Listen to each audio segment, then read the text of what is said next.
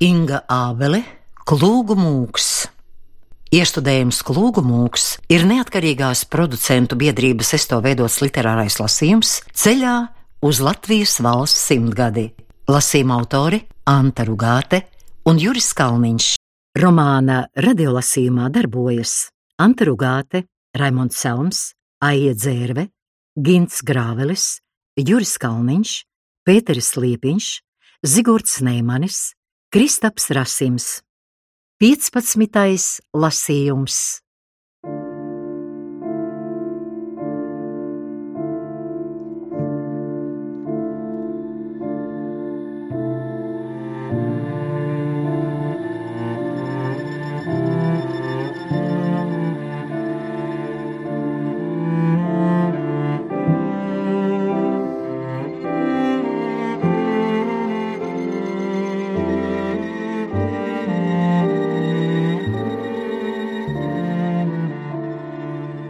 Pār baznīcas kungu lēnīgi nolaidās nakts un kļuva vēsi. Francis gāja, kur pats izrāda. Viņam nebija nekāda mērķa, tikai uzticība ceļam. Pārgājis ar regliem apaugušai sedlienei, Francis samanīja zem kājām stigu. Tumsā neko daudz nevarēja saredzēt, bet stigas vijumi šķita Sebaldam pazīstami. Pirms viņš aptvēra, kur nonācis, priekšā kā sen neredzēts draugs nostājās vārti ar kokā grieztiem putniem. Francis bija nonācis pie Brunovu sētas. Tepat blakus bija ceļš uz klāniem. Daudz reižu viņi ar Zuzi bija šajā pagalmā nākuši padzerties vai ēduši dienišķi, sēžot zem lielā kļava. Toreiz te dzīvoja viņas radi, dzēdzētas un mātes māsas ar saimēm. Francis pavēra vārtiņus, nedroši ieiedams koka ēnā. Bija melna nakts, bet lielā koka patvērums un labvēlīgā sargāšana – pletās pāri klīstošajam baznīcas kungam, sajūtama nevis ar redzi, bet ar rādu. Palūkojies uz istabu, Sebalds ieraudzīja lodziņā vāju gaismu. Saņēmis drosmi, viņš pieklauvēja. Pie durvīm pienāca cilvēks, kurš tāpat kā Francis nebijās. Nejautāja, kas tur ir, atvēra un nostājās uz sliekšņa. Francis neticēja savām acīm. Tā bija Terēze.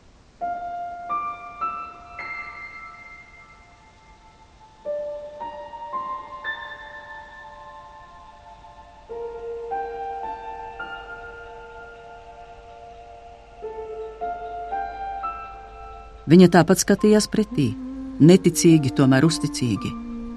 Sveces vājajā gaismā viņi ilgu šalti, kas abiem šķita mūžība, pētīja viens otra vaigu. Terēzes skropstas pēkšņi samirkšķinājās, viņa apkļāva rokas sev ap pleciem, kā stiprā saltumā, un atlaidās, kā atbrīvojoties no tā. Nu, nāc iekšā! Tad tu nenomiri. Kā redzi? Man prieks. Terēze pagriezās un devās istabā. Francis viņai sekoja, domādams, cik neparasts vakars. Tikko viņš bija pats vientuļākais cilvēks uz pasaules, nu jutās kā pašrocīgi saņēmis no dieva dāvanu. Terēza bija stipri savicējusi, kļuvusi kalsnāka un bālāka, šķita, ka miesa noticējusi no kauliem, atstājot vietu cīpslām, dzīslām un tumšām grabām. Turējās gan viņai aizvien tikpat taisnu muguru kā allež, un viņas miers Francim bija tikpat tīkams. Arī Brunovu istaba kara gados bija piedzīvojusi pārmaiņas. Lielajā vidus istabā acīm redzot bijusi ierīkota kanceleja, Apaļais galds nolikts vidū un piegāsts ar papīriem, aprautām drātīm un tukšām ložu čaulītēm. Tur stāvēja arī salauzta rakstam mašīna ar izgāztām metāla iekšām. No sijām nokarājās smagi zirnekļu tīkliem un mušām aplikuši mušpapīri. Kas te ārdījies? Sapieru rota. Man stāstīja, ka te pirmajā bolševiku gadā bijuši ukrainīši. Tur pāri pretī meža dziļumā stāvēja viņu konjica, jātnieku pulks, bija saraktas zem ļankas. Tu jau ilgi te? Laiku neskaitu, bet ilgi, kad jau vācieši bija iekšā. Nu, ko tu skaties? Domā, kamdēļ nenovācu? Es nezināju, ka te būs dzīvošana. Gribēju uz kādu pilsētu, bet paliku. Tagad nezinu, vai palikšu. Rādās, ka tas viss tikai miegs. Rītā celšos un iešu kaut kur. Tā mēs abi. Gadi iet, bet mēs tikai ejam kaut kur. Cik gadi pagājuši? Desmit? Nevis gadi, bet visa dzīve. Toreiz es biju jauna, tagad man drīz būs 40. Man sešdesmit. Tu neesi novecojis, tikai ļoti slāpes un apaudzis ar bārzdu. Uzbarosies un noskūsties būsi kā jauns. Es esmu redzi kāda. Tāda pati vien esi. Izdarsim čaja glāzi. Terēza noliecās pie plīts, atrausa pelnus un sāka pūst uz kvēlošām oglēm. Drīz bērza mizās iegailējās spožas liesmas un katliņā sāka sīkt ūdens. Terēza tur iebēra vīgriezes tējai. Viņai šķita, ka šī darbošanās piesedz nodevīgo spožumu acīs, kas negribēja un negribēja noplakt. Sagandētie nervi nemitīgi izspēlēja jokus, atlika kaut ko sirsnīgāk iedomāt un varēja rauduļot ar vilka asarām, tāpat kā smieties. Ārsts viņai bija iedevis līdzi stipras zāles, lai nervus nomierinātu, bet no tām ellīgi sāpēja nāvekļa sagandētās iekšas. Tad jau labāk raudāt un smieties. Tikai labo baznīcu kungu nedrīkstēja baidīt. Ņems un nodomās vēl, ka tas viņa dēļ. Kurp tu laidies? Gaidu, kad aizsāls Lubāns, lai tiktu uz Rīgu. Sarkanie nolēmuši mani pabaidīt, ielikuši nošojamo listē.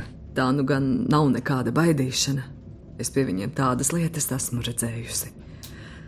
Paliec šeit, redzi kāpnes. Uz istabas ir divas puslepenas izējas, pa tām tu vari tikt uz klāva no klāva stilā, ja tāda vajadzība. Bet es domāju, ka te tevi neviens nenāks meklēt. Maz ļaužu zina, ka esmu te apmetusies. Francis aplūkoja kāpnes.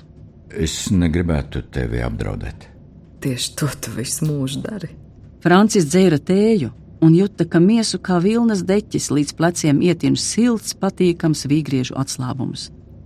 Viņš lūkojās satumsušajā logā. Terēze nolūkojās viņā. Kāpēc tu esi te? Kā lūdzu? Kāpēc tieši šeit, Brunovs hētā? Vai pazini kādu no viņiem? Zuze Brunova bija mana māte. Francis palika kā ar ūdeni apliec, platām acīm nemirkšķinot. Visu mūžu bēdzis, te nu Francis ir nonācis. Zuzes vairs nav, bet ir vījums augstāk virs viņas - Terēze. Tā tad vēl Francis nav nokārtojis savas parāda saistības. Debesis klusē, Dievs zina. Zuzana Brunova. Tad tavs pavārds pirms laulībām ar Sakalovski ir Vidzelī? Nē, Terēza Augustīna Brunova. Māte nespēja pieņemt to pavārdu. Viņa neieredzēja Niceforu, viņš māti. Nopratusi, ka Francis visu zina, Terēze lūkojās plaismojošās liesmās. Kas tā bija par bērnību? Elle, nevienam nenovēlu. Kā iesalusi ledū, bet apakšā guns. Mēs ar Zuzi bijām labi draugi. Viņa gaidīja mani mājās no Jālgavas reāla skolas, bet es izlēmu doties tālāk uz Pēterpils garīgos semināru, un tad jau, nu, tu pats saproti. Es nezināju, ka tu esi Zuzas meita. Terēze ar interesi palūkojās uz Franci. Arī viņas prātā daudz kas sāka apskaidroties. Jocīgi es par māti neko daudz nezinu. Mēs nesatikām. Pabeigusi Freja gimnāziju Rīgā, es aizbraucu uz Maskavu, pēc tam uz Pēterburgu, kur sastapu Henriku Pijusu, lai viņam debesu valstība. Henriks Pijus bija dieva izlīkšanas zīme. Viņš bija šeit sūtīts, lai es izdzīvotu pēc briesmīgās bērnības. Viņa pievērsās obraziem istabas stūrī, murminādama lūksnu. Francis viņas profilā ieraudzīja Platonu. Arī viņš šovakar klātesošs. Tāpat kā Zuze, Nicefors un Franča dievbijīgā māte Īva, kuras dēļ viņš bija nokļuvis garīdznieku kastā un atstājis Zuzi. Viņi visi bija Terēzē klātesoši, un Terēze bija Francija klātesoša. Kā gan Dievs dabū visus galus rokā, prātoja Francis. Plikais lokus smagi alsoja abiem mugurās nakts tumsu un vaidu šausmas. Guns gaismā aiz loga rūts viņa no ārpuses bija kā uz dēlnas kāda plēsoņas vērojumam. No apkārtnes varēja uzklupt pēkšņa nāve, franča augumam pārskrēja baiļu vēsums. Viņš piecēlās un cieši aizvēra aizkarus, tā lai nespraudziņas vaļā nepaliktu. Es, eh, es zinu, ka iešu. Kamdēļ? Es varu tev atnest pēkšņu nāvi. Paliec vien. Te neviens nesavs nenāk. Es pati dodos uz nedēļu uz Riesni vai tuvākām dzeraunēm pastrādāt.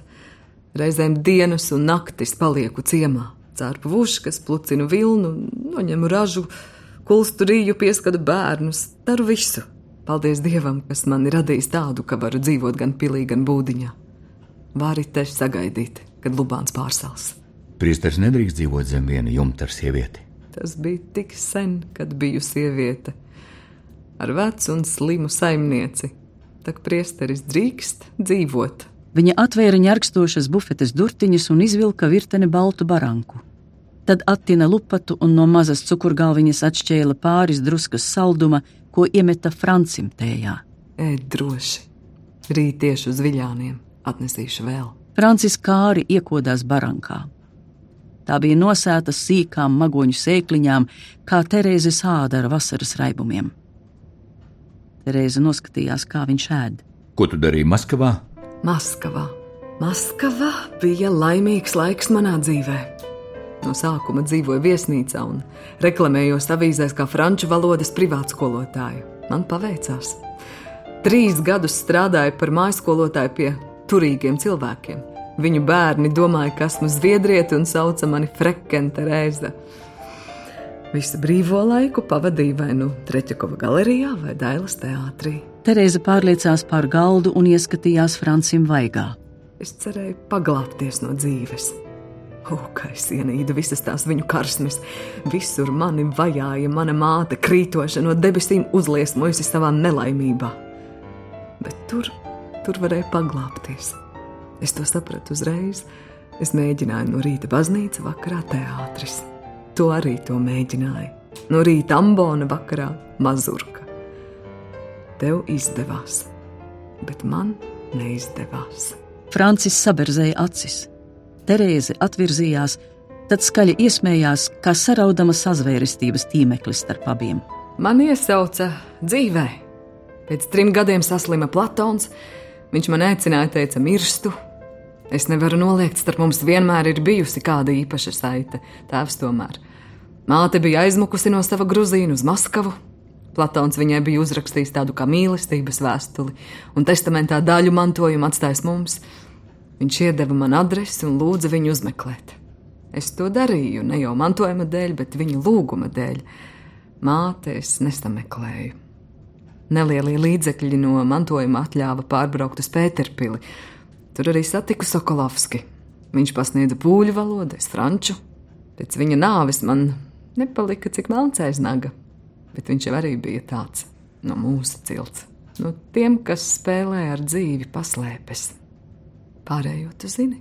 Terēza pabeidza savu stāstījumu spēju, gandrīz dusmīgi, atminēdamās nakti slimnīcā un franča bēgšanu. Tu man pārmet to dziedātavu, jā? Ja? Kādēļ?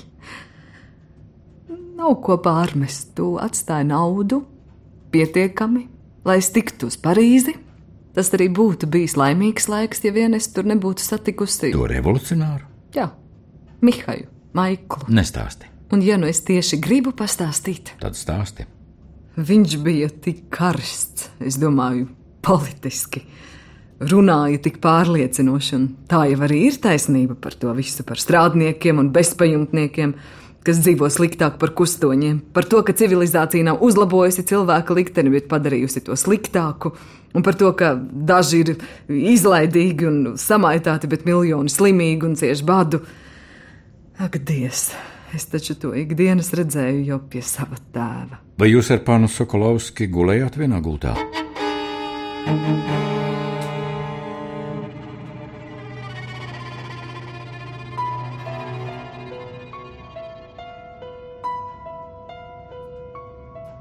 Pēkšņi jautāja Francis, metodiski un ieinteresēti, it kā jautātu, vai viņai vakaros mēdz sāpēt mugura.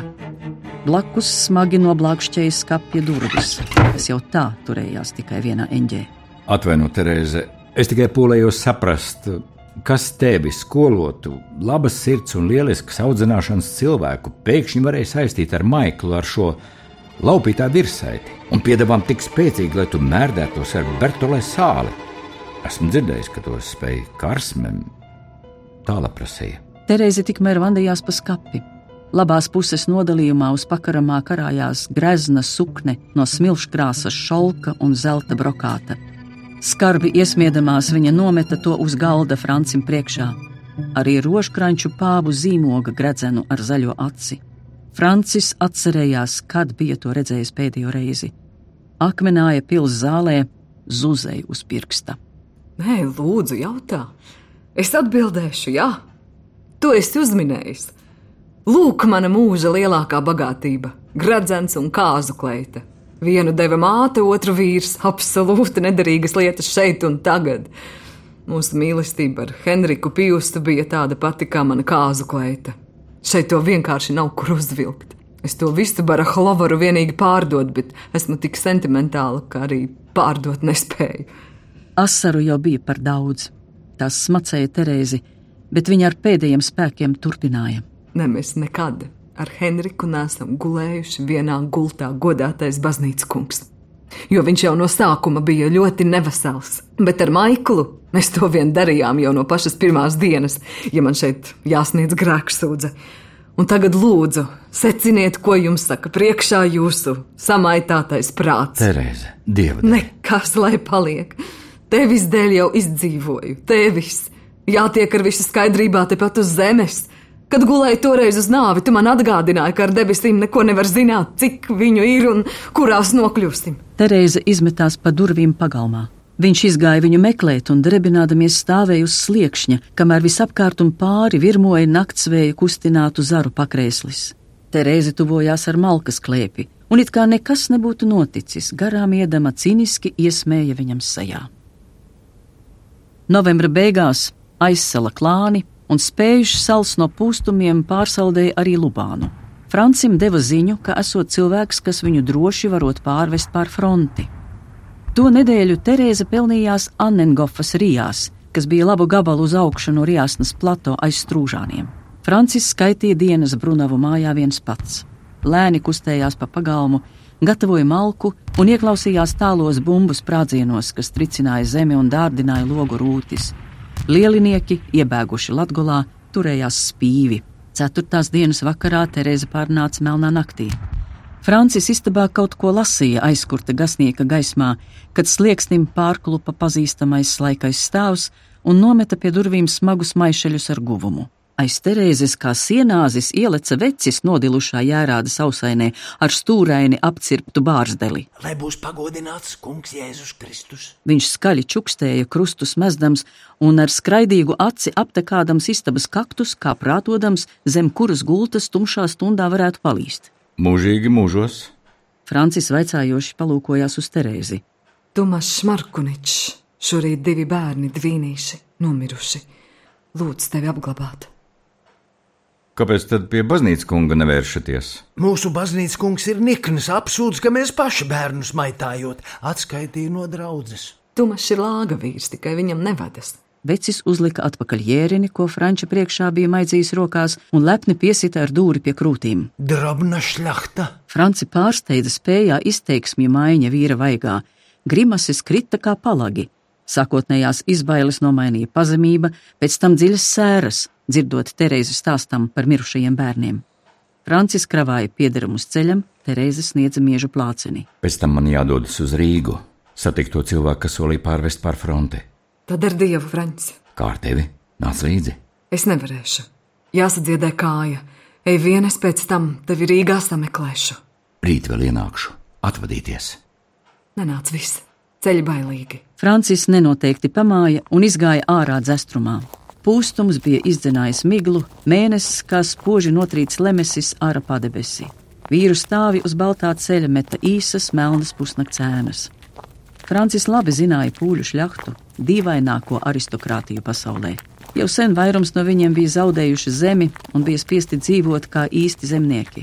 Taču nekāda nabadzība nespēja atņemt īstam pūļu šļaktičam pārliecību par savu dišciltību, kā arī tiesības nodot šo dišciltību tālāk saviem bērniem. Iepirkām pie Mogiļevas muižiņa kopā ar Ondrupiem. Tur tieši sacēlās piektais gads. Batraki nāca no ielas. Lapcēs apaušies ar striķiem līdz ceļiem notītām kājām. Ar lāpām izdzina mūžu no mūžas. Pēc tam akmenājā pie Platona. Kādā dienestā? Lakejs biju. Ar baltiem cimdiem pienesu rožkrančiem ēdienus pie galda. Māte Jadviga, nu, mana sieviņa, račkā. Ar rokām kungiem veļumās gāja un istabas kopa. Gludināja ar lieliem, lieliem smagiem ogļu pledzelžiem. Es palīdzēju. Lielo veļu rullēja rulli. Mīļi dzīvojām, precējāmies pirmajā gadā. Mums mūžā liela tīrība un kārtība bija. Bērni dzima lielajā koka gultā, pakulu paladziņā. To uzklāja vien dzemdībās, un ītele bronīte nāca bērnus saķert. Bērni gulēja divu un trīs stāvu gultās, bet vienalga viņiem mūsu gulta mīļākā vieta. Mūžā bija labi pāēduši, vienīgi nepietika apģērba, kādēļ ziemas pavadīja istabās. Meitenes nokrustītas katoļu baznīcā. Procesiju laikā kaisīja ziediņus, ieģertas baltās kleitiņās. No sākuma barojām ar krūti un manā putriņu. Tagad Annengofā nav ne piena, ne manā putriņas. Par to mūs apsūdz, ka nomērdējuši bet viņi taču tīrā badā nomira. Cik tad ir bērnu? Mūžā dzima 13 mazuļi, dzīvi palika 9, bet eh, pēdējie dvīnīši no mūžas šorīt nomira, lai viņiem debesu valstība. Īsti nesapratu, cik tad ir dzīvu? Skaitīsim uz pirkstiem. 902. gadā piedzima meita Rozālīte. Vēl kad bijām Mogiļevā, Rasalīte ir dzīva, bija pie Vilhelmīnas von Rožkrances pāvas par ģērbēju. Rasale sargāja dīķi, kad Vilhelmīna gāja peldēties. Tagad jau apprecējusies blakus dzeraunē, žēviniekos ar Izidoru žēvinieku. Viņš no tiem piektā gadā izšautajiem. Viņiem ir divi bērniņi. Stāsti par saviem bērniem. Es jau stāstu, stāstu. 904. gadā, gadā Mogiļevā Vinca dzima. Viņš nesen mira, bija liels dejotājs. Pēc balles sasvīd un saslim ar plaušu karsoni. Sestajā gadā jau akmenājā dvīnītes Antonija un Marija. Tās vēl dzīvas, tikai ar tīfu izslimoja, mati nogāja, no atau grudi. Septītajā gadā atkal dvīnītes, Veronika un Anna, tās mirušas. Astotajā gadā Apolonija dzīva, 12. gadā Dvīnītes Zuzana un Tekla, 14. gadā dēls Ludvigs, dikti skaists, 16. gadā nedzīvs zēns, 18. gadā dzima tie viņu puikas, kas šorīt nomira, bada nāvē. Sanāk tikai septiņi vairs dzīvi palikuši. Tomašam aizlūza balss. Kādu laiku bija dzirdama tikai zābaku dunēšana pret mēnesi gaismas pielieto žilbinošu balto ceļu. Kad abi gājēji ienira asās melnās egļu ēnās, Francis jautāja: Kas tad notika, ka neesat vairs akmenājā? 18. gadā mūžs izjuka. Darba vairs nebija. Ņēmu ģimeni un pārbraucu uz dzimteni Annengofu.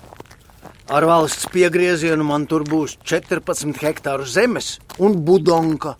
Vēl bez krāsnes, bet jau ar jumtu un sienām. Dabūjām apmesties vecajā kulā. Tur arī Terēze satika un ienāca prātā jūs lūgt uz apglabāšanu. Terēze par mani pateica. Vā, prāts! Jūs tak izsludināts par nošaujam. Kā tad tu par mani uzzināji? Lauks ar acīm, mežs ar ausīm. Noteica vecis un apklusa. Pēkšņi bija kritis vaļsirdības palaks. Viņš atkal izskatījās viltīgs. Pēc pāris stundām, kad viņi tuvojās Markuniču Rijai, Pilnāts jau bija pārvilcis sev pāri plānu mākoņu plīvurīti. Rijā dega skali, Annengofas kaimiņi dziedāja saļmas par mirušajiem.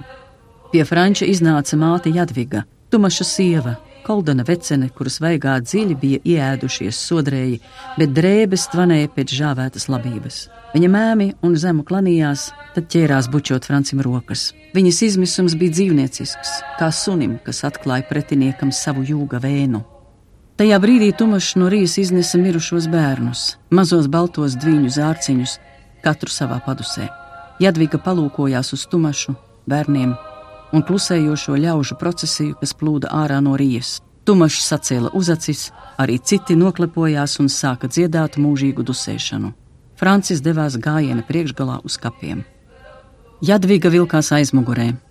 Dievs deva, dievs ņēma, viņa iekļiedzās un sevi mierinādama ar dūri draudēja māla kalnam. Terēze gulēja gultā un nolūkojās uz komunāru, kurš mazgājās kublā pie cepļa. Viņam bija balts dibens un dažas tumšas dzimumzīmes uz sāniem, kalsnas ciskas un pēc kopošanās akta noļucis cincis. Vīrietis nenēsāja apakšbikses. Savazātā krievu markas krekla apakšmala bija notraipīta ar brūniem plankumiem, bet nolaisto gali feiku dibens sadrākelēts ielā pielāpos. Viņš pārvilka kreklu pāri galvai, nometa uz grīdas un sprauslādams ar lapatiku šķieda pret kaklu un krūtīm tīro ūdeni. Zem zābakiem krājās dubļu peļķe. Beidzis mazgāties, viņš apslaucījās vislabākajā dvielī, ko bija izņēmis no skapja, baltajā ar sarkanām izšūtām rozēm. Ilgu, pārāk ilgu mirkli viņš pētīja Terēzes kāzu kleitu. Mātes gredzens bija paslēpts aiz dēlīša plauktā, bet Terēzes sirds jau sažņaudzās drūmās nojausmās. Viņa bija aizmirsusi iespēju, ka šis cilvēks varētu tāpat vien apbrīnot skaistumu. Šķita, ka viņš spēja tikai iznīcināt visu, kam pieskaras viņa skatiens.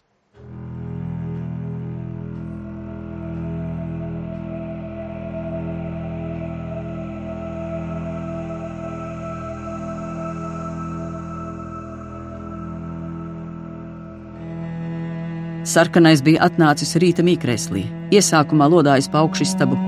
Viņa bija pasaukusi pret kāpnēm, tad nojautusi ko nelāgu un satvērusi durvju aizšaujamo bozi, bet viņš ar platu smaidu plakanajā kā lemes sejā droši kāpa lejā.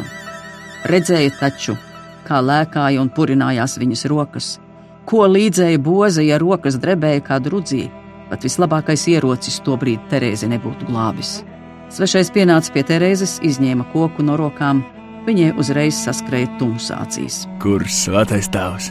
Aizgāju uz Anengofu. Vīrietis apmierināti pamāja. Kad pārnāks? Terēze paraustīja plecus. Sarkanarmietis piegāja pie durvīm, ar atņemto bozi tās aizbultēja un teica: Kad pārnāks, paprasīsi, kas tur, un tikai tad vērsi vaļā. Saprati? Kad viņa attapās, paklausīgi pamājusi ar galvu, zaldāts jau sprādzēja siksnu. Ar pierastu kustību sarkanarmietis sakampa Terēzais skaustu un iegāza gultā. Viņš ņēma viņu bez sajūtām, bez izjūtām vai jūtām, bez jebkādas attieksmes, bez prieka un bez sajūsmas, bez nožēlas, bez cīņas, pilnīgi bez nekā. Izlietoja kā lietu un pameta pret sienu guļam. Toties pēc tam ilgi ar baudu mazgājās. Nec kautrējās, nec baidījās, Terēzes svešajiem neeksistēja, jo viņš bija redzējis viņas drebēšanu un ieodis baiļu asins smaku ieradis ar vietējiem apieties kā ar kaujamām aitām. Svešinieka bezskaislība kopojoties bija pielipusi Terēzei. Rokas vairs nedrebēja. Viņa gulēja kā iesalusi ledu un raudzījās komunārā. Tagad es tevi nošaušu, viņa nodomāja bez naida un bez dusmām. Vienīgi žēl, ka par vēlu. Labo roku Terēze iegremdēja zem matrača, sataustīja revolveri, uzvilka gaili un izšāva.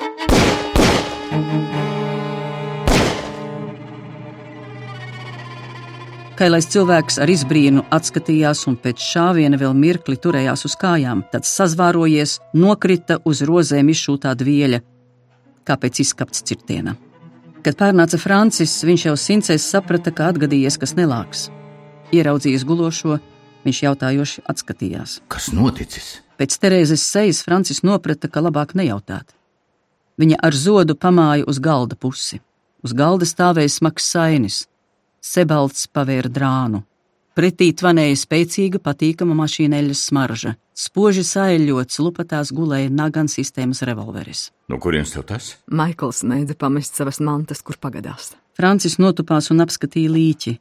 Sarkanarmietis gulēja knūpu, asiņu aplodes caurumu uz muguras tikpat kā nebija. Viņš nāca pēc manis? Jā. Francis pacēla karavīra vamzi un izvilka plakanu portmoneju. Viņš atvēra to, izkratīja dokumentus. Leos Smukiņš, milicijas priekšnieks, viens no akmenāja tribunāla. Varētu būt, viņš runāja baltiski. Francis pacilāja revolveri. Leona Gans un Leos Smukiņš satikušies. Ņem līdzi uz Rīgu. Ņemšu gan, lai iesviest Lubānā. Visi revolveri reiz izšauja. Nebūtu es izšāvusi. Tu tagad viņa vietā tur gulētu. Redzinu, es tev tomēr atnesu pēkšņu nāvi. Kurš varēja pateikt, ka esmu te? Izskatījās, šis zināja, ka tu esi Anengofā. Tad tu domā, tas nabaga cilvēks Markoničs? Neko es nedomāju. Cilvēkiem ir jātic. Man tagad jāiet. Kur liksim līķi?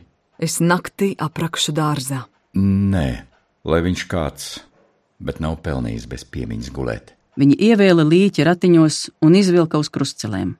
Kustība tur bija dzīva, sarkanie drīz smukiņu atrada un ar godu guldīja kapā. Par mani neraizējies. Beidz, es tikšu galā. Francis satika savu sakarnieku un devās uz Rīgu, un tā kājām 30 verstu pa aizsalušiem purviem, sarmas klātiem krūmājiem, virs kuriem novembris vizināja pelēcīgi dzestrus ledus mākoņus, pāri aizsalušam Lubāna klānam, divi vīri tika pāri frontei un zem brīvās Latvijas debesīm izspruka no lielinieku nagiem, pliki un basi, bet dzīvi un veseli. Bet Terēzei atnāca pakaļ.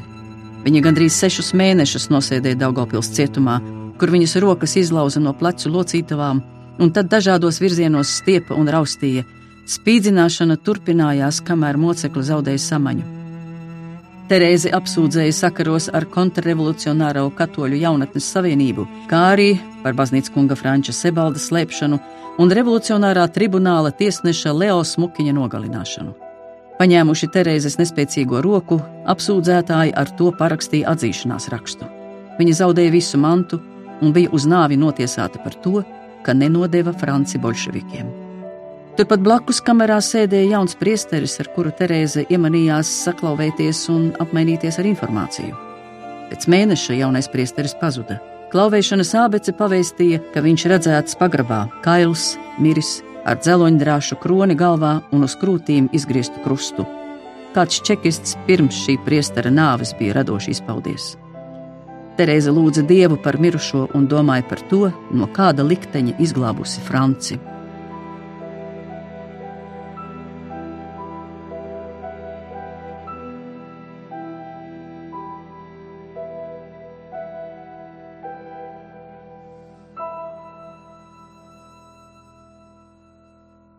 Līdz Latvijas valsts nodibināšanai Latgolas katoļi piederēja pie Mogeļevas arhibīskapijas, sastādīdami apmēram pusi no tās ticīgajiem.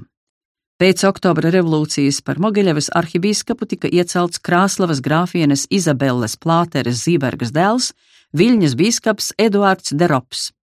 Latgolas atdalīšana no Krievijas sekmēja domu par Rīgas bīskapijas atjaunošanu. Pāvests Benedikts 15. ar bullu no 1918. gada 29. septembra atjaunoja Rīgas bīskapiju, kurā ietilpa Latgola, Vidzeme, Kurzeme un Igaunija.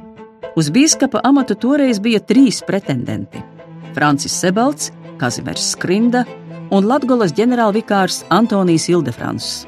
Pilnīgi negaidīti šajā amatā tomēr tika iecelts Minskas dekāns, īru izcelsmes garīdznieks Eduards Orurks. Franča Sebalda mudināta Latvijas valdība gatavojās noslēgt konkordātu ar Vatikānu. Sākās diplomātiski gājieni, lai pamudinātu pasīvās dabas citautieti Orurku atsacīties no amata.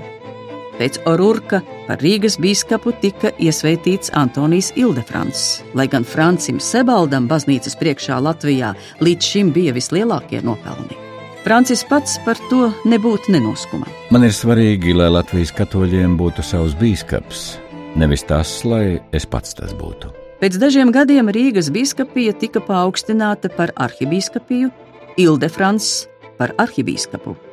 Arhibīskapam Antonijam Ildefransam bija īpatnēja izpratne par to, kas ir likumīgs un kas nelikumīgs. Likumīgs tas viss, ko iespējams izdarīt saltasenīgi apējot likumu. Katoļu filozofija māca, ka garīdzniekam ir jāstāv pāri partijām. Un tomēr daudzus gadu simtus Eiropā atradusies privileģētā stāvoklī, baznīca bieži vien nespēja atturēties no varas kāres. Kopš pāvests Leons 13. 1885. gadā garīdzniekiem atļāva piedalīties politiskajā dzīvē, tie nekavējās aktīvi rīkoties. Tā tas bija arī jaundibinātajā Latvijas valstī. Latvijas Kristīgo zemnieku savienība pārstāvēja Latviju, to pārvaldīja Katoļu baznīcas hierarhija. Ildefrans un Sebalds abi bija šajā partijā, taču Ildefrans neusticējās Sebaldam jau no paša sākuma. Līdz 1924. gadam, būdams garīdzniecības līderis, Sebalds plānoja Latvijas Kristīgo zemnieku partijas apvienošanu ar ķemmes Latvijas tautas apvienību. Kopējais kongress notika, bet tikai kā Kristīgo zemnieku partijas kongress. Tajā klāt nebija ne Sebalds, ne ķemme. Partiju apvienotāji tika nostumti malā bez pēdām. Tas bija apvērsums. Ieraudzījis kongresa protokolu bez sava un ķemmes vārda, Francis steidzās pie arhibīskapa Ildefransa. Esmu padots un lojāls jūsu ekscelencei baznīcas lietās, bet lūdzu paskaidrojumus par notiekošo parlamentā. Ildefrans iešķīvi palūkojās uz 12 gadus vecāko Sebaldu. Populāro inteliģences, Latgolas zemnieku un katoļu baznīcas lutekli, kura priekšā pats bija bāla figūra. Sebalds, Sebalds! Pirts deg, bet pats pa pagalmu. Vai Krāslavas draudzes dekāna vieta nav ienesīga? Tā tā skaitās turīga draudzene. Un vēl trīs algas - deputāte, prezidijas sekretāra un Latvijas bankas padomas locekļa. Esot pat māju Toriņkalnā uzcirtis uz Sokolovskas vārdiem. Ko vēl vajag? Par draudzi nesūdzos. Vienīgais, ko es prasu sev, ir brīvas rokas politikā. Protams, kā visi, būdams pakļauts politiskās līnijas kritikai. Man nav nekādas kritikas par politisko līniju. Ir tikai daži jautājumi. Vai garīdznieks drīkst lietot īsās drēbes parlamenta dzīvē? Civilos uzvalkus vakara Eiropā un Amerikā nesā ne tikai vienkāršie garīdznieki, bet pat bīskapi. Un par sevi jaunāku saimnieci turēt? Jūsu ekscelencei jau četrus gadus atpakaļ zināms, kas ir mana saimniece. Atraitne Sokolovska, kura izglāba mani no nāves pie bolševikiem. Ne sava goda, ne sutana nesmu aptraipījis. Amorāla dzīve netiek piekopta. Kāpēc man par Terēzi netika pārmests, kad biju jauns, bet tieši tagad, politiskā saspīlējuma laikā, saimnieces ir visiem, arī biskupiem. Atlaidiet jūs savējās, un es atlaidīšu savējo. Aizdedzies dusmās, Francis arhibīskapu atstāja aizcirstams aiz sevis durvis.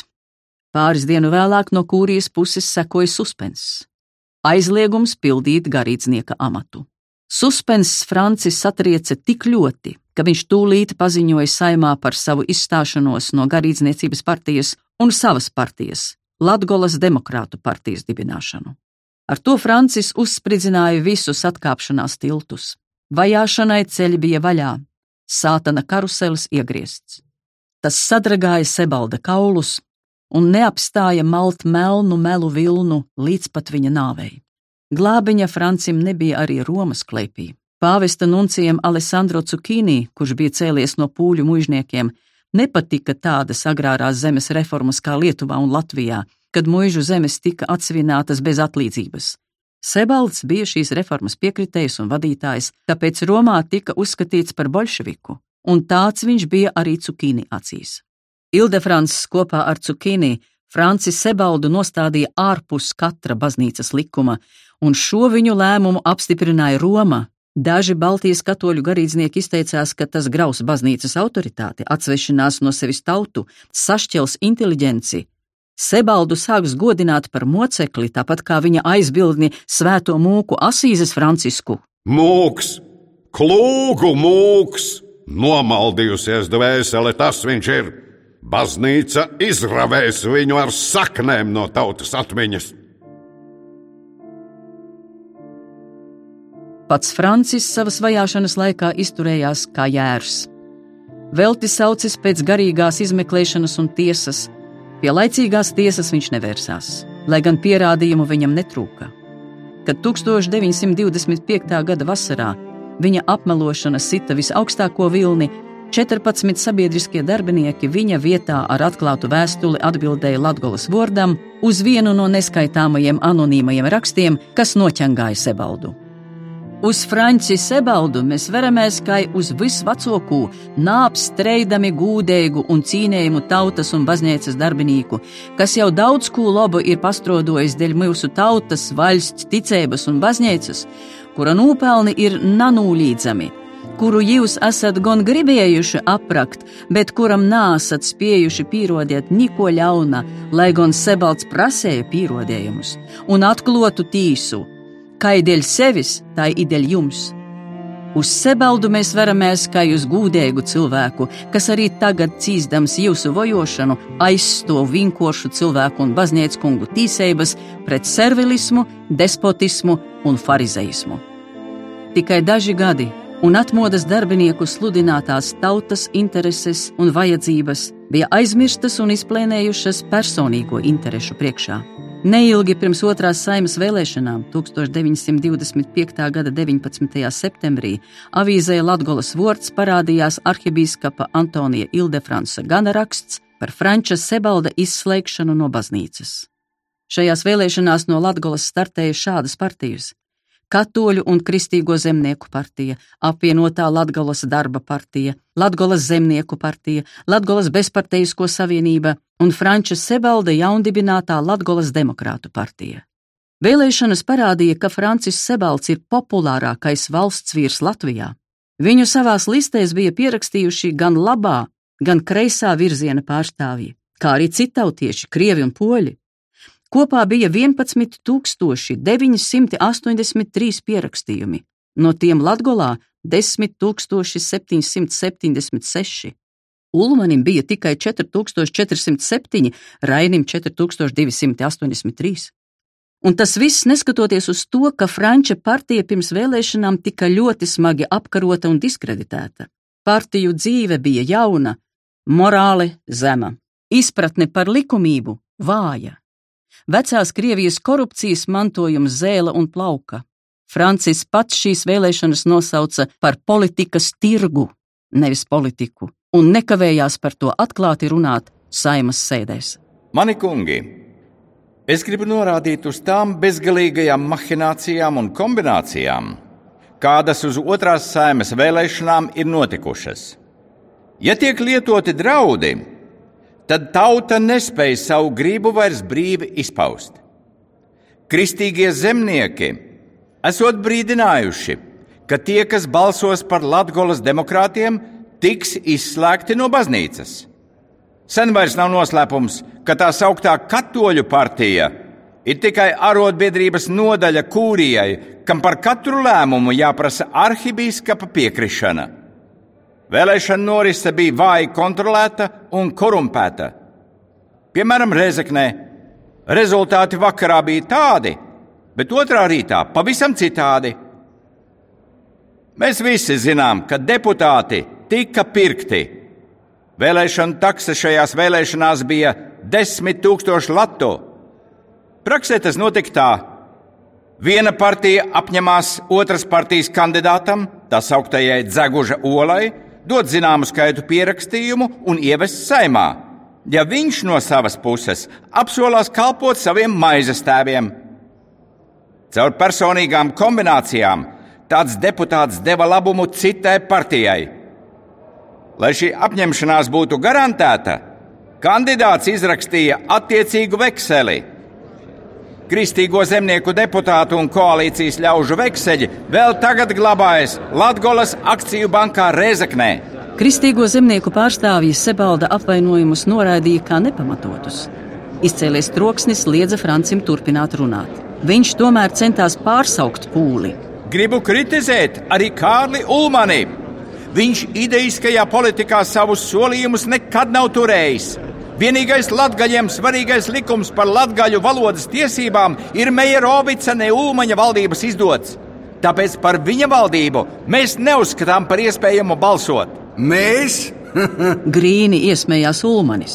Kas tie mēs ir? Francis pagriezās uz sava partijas biedra Aloizija Zepsa pusi. Aloizijas bija sakņupis savā vietā, kristīgo zemnieku nopirkts.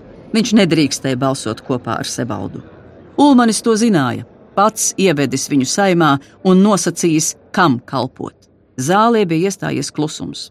Zepsi nosarcis piecēlās un steidzīgi nobēra. E, iesniedzu saimas prezidijam paziņojumu, ka izstājos no Latvijas demokrātu frakcijas. Tā kā frakcija un partija šajā gadījumā bija viens un tas pats, tad Sebalda biedrs pēc izstāšanās tika iegrāmatots kā ārpus partijām esošs.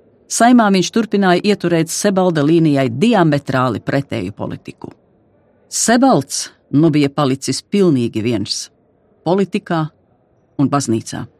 Neskatoties uz visām nepatikšanām, kas pēkšņi bija nobrukušas pār viņu un neciešamo morālo stāvokli, Francis turpināja iet un strādāt savu ierasto parlamentāriešu darbu, piedaloties gan saimas, gan tās komisiju sēdēs.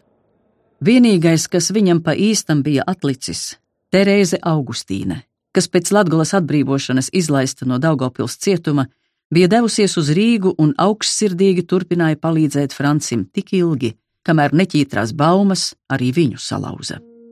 Un tad vēl tas vasaras svētku brauciens līdz Rēzeknei, tikšanās ar Ildefransu tajā pēdējā vasarā, kad Francis uz īsu brīdi atkal pabija puika Francis, neatkarīgais Francis Sebalds, kurš nevienam nepiederēja. Reizeknes stacijā Francim pretī bija atsūtīts risaks. Tas dīžājās un kārpīja ar priekškājām zemi, Ērzeli no Kalnasolas bija sūtījis kāds rats. Franča tēvs un māte jau sen pārvākušies uz kapulauku pedeļu kalnā. Zirgu puisim piepalīdzot, Francis pārsprādzēja rikšotājiem grožus, pielika jaunos, Terēzes celotos. Ar gandarījumu viņš saņēma rokās šo mākslas darbu, izturīgus un skaistus, cauraustus ar latgolā iecienītajiem mēnesnieka rakstiem, kas izstaroja debesu zilgano spēku un zemes zaļo savaldību. Tad vecs iemetās divričos uz sīkstā gurna, saņēma grožus savās stiegrainajās rokās un pavēlēja stacijas puisim atlaist. Puisis parāva ādas siksnu un atbrīvoja sarķi no slitas. Kaklu izcēlis, ērzelis izskrēja no stacijas laukumā. Garām garanču kapiem Francis laida pa ozolmuižas ceļu uz Ciskodu baznīcu. Viņš gribēja paspēt pirms lielās mises, neviena netraucēts pabūt adorācijā jo zināja, ka no visām pasaules baznīcām var būt. Bet no Ciskodu baznīcas vecais pūļu kanoniķis Vikentijs gan viņu ārā nedzīs. Vietā, kur lielo garanču ceļš slaidi sagāja kopā ar mazo garanču ceļu, no labās puses Franča vieglos ratus nosistams pie malas, lielā ātrumā izgrieza arhibīskapa Ildefranca divjūks. Francis nezināja, ka to svētdienu Ildefrans dodas vizitācijā uz Ciskodiem un pa ceļam ir iegriezies pabrokastot pie radiem dzimtajā springu ģeraunē. Kučieris sēdēja blakus uz bukas, Ildefrans brauca pats. Nespēdams liekt sev prieku par skaistu, ātru skrējienu. Viņš savā mūžā bija kā uzburts uz ātriem zirgiem, turēja tos augstākā vērtē nekā kalpus. Arhibīskapa smagā un stūrainā seja ar tumšajām izbrīnītajām acīm pavīdēja pagriezienā, Tad Franci un viņa sarķi ietina putekļu mākonis. Taču Francis bija latgalis, un viņa temperaments būtu pildītas līdakas temperaments, ja viņš iegultos grožos un gaidītu, kad putekļi nosēdīsies, bet pēc tam paklausīgi apmestu risaku uz vienas pēdas riņķī un pazustu no Ildefransa acīm. Tā vietā viņš izgrieza savu zirgu vēja pusē, kur putekļi neslāpēja elpu un noliecies uz priekšu, pabrīvoja grožus, iekliekdamies. Hei, hei, hei! Sebaldu zirgam tik to vien vajadzēja. Ceļš uz ozolmuižu tajā gabalā bija plats, taisns un labi uzturēts. Ilda Franca kraukļa melnajiem bija platas krūtis un spēcīgas kājas. Par spēcīgu rikšotājiem, bet augums gaļīgs. Garkājainais sebaldu sarķis, nāsis ieplētis, tiem tuvojās kā stāvošiem Spēcīgie gurni ritmiski kustējās, pakaļkājas plati kapāja ceļu, sīki akmentiņi un smiltis putēja Francim sejā, bet viņš tikai gavilēja, kā bija darījis būdams jauns zēns uz aizsaluša Tiskādu ezeru. Ildefrants nenoturējās, paliecās uz priekšu un uzsita meļņiem ar pītsku, taču tas neko nedeva. Akmentiņu krusu no sarķa pakaviem novira arī pār arhibīskapu un tā kalpu, kad Francis dzinās viņiem līdzās. Kučieris nometās ratos knūpus nāvis bailēs.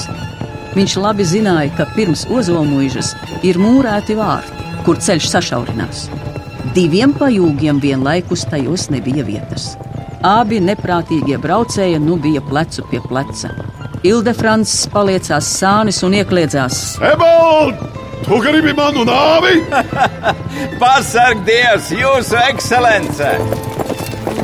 Smiedamies attrauca Francis. Viņš pacēlīja grožus, pabrīvodams pavisam vaļā. Sarķis laidās kā gunsputns un pirmais nozuda mūžas vārtos. Ne Ildefransu, ne Sebaldu to dienu nesagaidīts izkodos. Sadrūmis līdzīgi zili melnam negaisa mākonim, Rīgas arhibīskaps parkā apturēja elsājošos zirgus un pagrieza uz māju pusi. Kad meļņi springu mājā bija nojūgti, mājnieki caur logiem neizpratnē lūkojās uz drūmo viesi, kas neapstādamies soļoja šurpu turpu pa ābeļdārzu un klusu pie sevis lādējās dūres vīstīdams. Tikmēr Francis kāju pāri ratu malai šūpodams, lēnos rikšos brauca pa ceļu uz Kolnasolas pusi. Lai arī vasaras svētki, viņam bija zudusi vēlme doties uz Ciskodu baznīcu. Un arī spēka nebija pēc bērnišķīgā izlaiciena. Visa pasaule šķita primitīva un muļķīga. Bet Terēze katoļu ielas dzīvoklī tajā naktī redzēja sapni. Lēni čāpstinādams pret klinti vilkās bezgal gara vilcienu sastāvs. Vispirms lokomotīve, pēc tam ik vagons vēlās aiz klints verdošā liesmu jūrā un tapa pārkausēts. Terēze redzēja sevi skrienam vilcienam cauri uz pēdējo vagonu. Tas bija tik garš, ka viņai trūka elpas, Vilciens bija tukšs, bet viņa zināja, pēdējā vagonā jābūt Francim. Terēze atrāva durvis un tapa akla no žilbinošas gaismas. Frančs! Terēze attapās gultā sēdus, ar rokām aizsegusi acis. Viņa tā arī nesaprata, vai gaisma pēdējā vagonā bija paradīze vai elle. Elne latgaļu valodā, latīniski inferno.